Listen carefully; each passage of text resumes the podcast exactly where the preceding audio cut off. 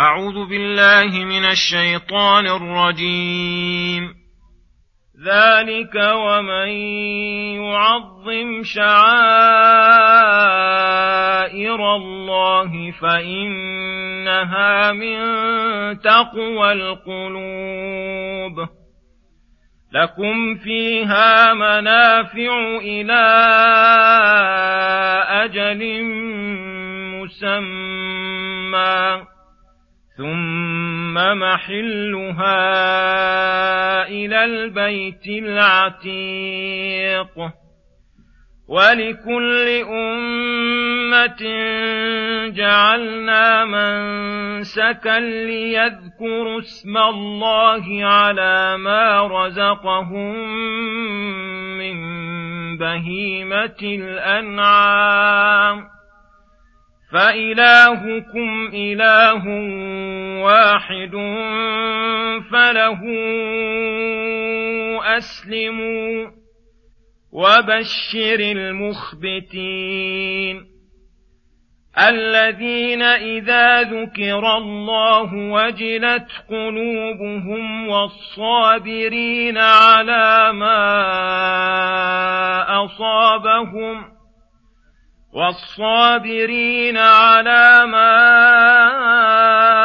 أصابهم والمقيم الصلاة ومما رزقناهم ينفقون والبدن جعلناها لكم من شعائر الله لكم فيها خير لكم فيها خير فاذكروا اسم الله عليها صواف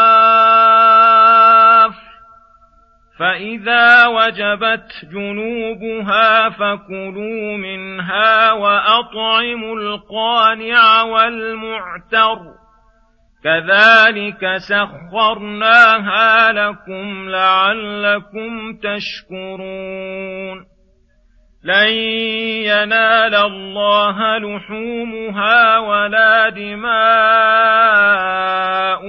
ولكن يناله التقوى منكم كذلك سخرها لكم لتكبروا الله على ما هداكم وبشر المحسنين إن الله يدافع عن الذين آمنوا.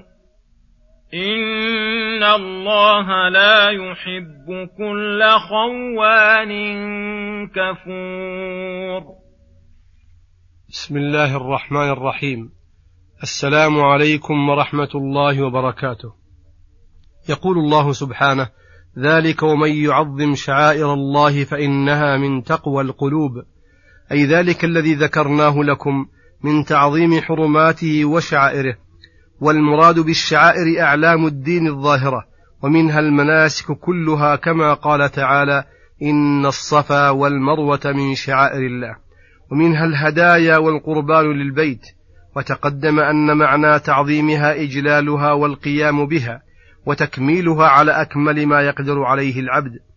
ومنها الهدايا فتعظيمها باستحسانها واستسمانها وأن تكون مكملة من كل وجه فتعظيم شعائر الله صادر من تقوى القلوب فالمعظم لها يبرهن على تقواه وصحة إيمانه لأن تعظيمها تابع لتعظيم الله وإجلاله. لكم فيها أي في الهدايا منافع إلى أجل مسمى هذا في الهدايا المسوقة من البدن ونحوها ينتفع بها أربابها بالركوب والحلب ونحو ذلك مما لا يضرها إلى أجل مسمى مقدر مؤقت وهو ذبحها إذا وصلت محلها وهو البيت العتيق أي الحرم كله منى وغيرها. فإذا ذبحت أكلوا منها وأهدوا وأطعموا البائس الفقير. ثم يقول سبحانه ولكل أمة جعلنا منسكا ليذكروا اسم الله على ما رزقهم من بهيمة الأنعام. الآيات. أي ولكل أمة من الأمم السالفة جعلنا منسكا. أي فاستبقوا إلى الخيرات وسارعوا إليها ولننظر أيكم أحسن عملا. والحكمة في جعل الله لكل أمة منسكا إقامة ذكره والالتفات لشكره. ولهذا قال ليذكروا اسم الله على ما رزقهم من بهيمة الأنعام فإلهكم إله واحد. وإن اختلفت أجناس الشرائع فكلها متفقة على هذا الأصل. وهو ألوهية الله وإفراده بالعبودية وترك الشرك به. ولهذا قال فله أسلموا. أي انقادوا واستسلموا له لا لغيره فإن الإسلام له طريق الوصول إلى دار السلام.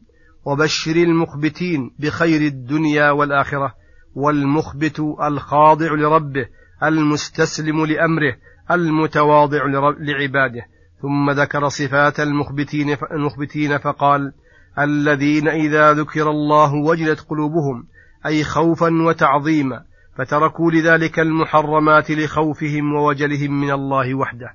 والصابرين على ما أصابهم من البأساء والضراء وأنواع الأذى فلا, فلا يجري منهم التسخط لشيء من ذلك بل صبروا ابتغاء وجه ربهم محتسبين ثوابه مرتقبين أجره.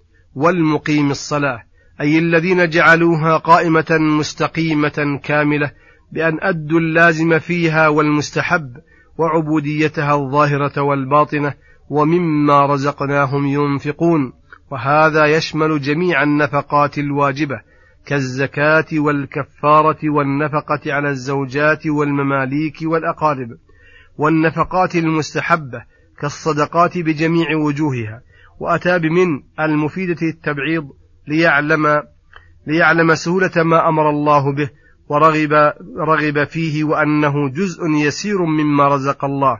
ليس للعبد في تحصيله قدرة لولا تيسير الله له ورزقه إياه.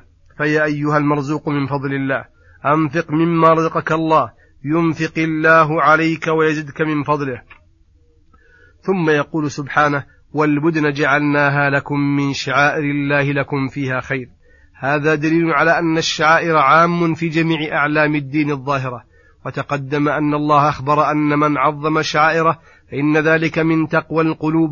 وهنا أخبر أن من جملة شعائره البدن أي الإبل والبقر على أحد القولين فتعظم وتسمن وتستحسن.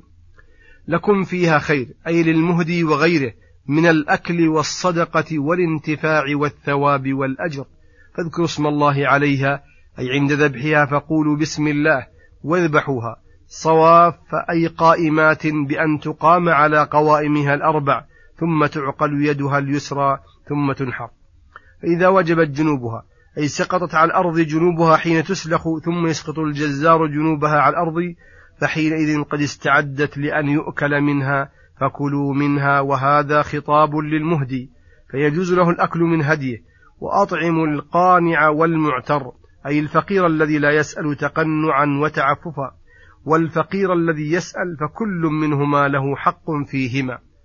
كذلك سخرناها لكم أي البدن لعلكم تشكرون الله على تسخيرها فإنه لولا تسخيره لها لم يكن لكم بها طاقة ولكنه ذللها لكم وسخرها رحمة بكم وإحسانا إليكم فاحمدوه. وقوله لن ينال الله لحومها ولا دماؤها أي ليس المقصود منها ذبحها فقط ولا ينال الله من لحومها ولا دمائها شيء لكونه الغني الحميد. لكونه الغني الحميد وإنما يناله الإخلاص فيها والاحتساب والنية الصالحة. ولهذا قال ولكن يناله التقوى منكم. ففي هذا حث وترغيب على الإخلاص في النحر وأن يكون القصد وجه الله وحده لا فخرا ولا رياء ولا سمعة ولا مجرد عادة.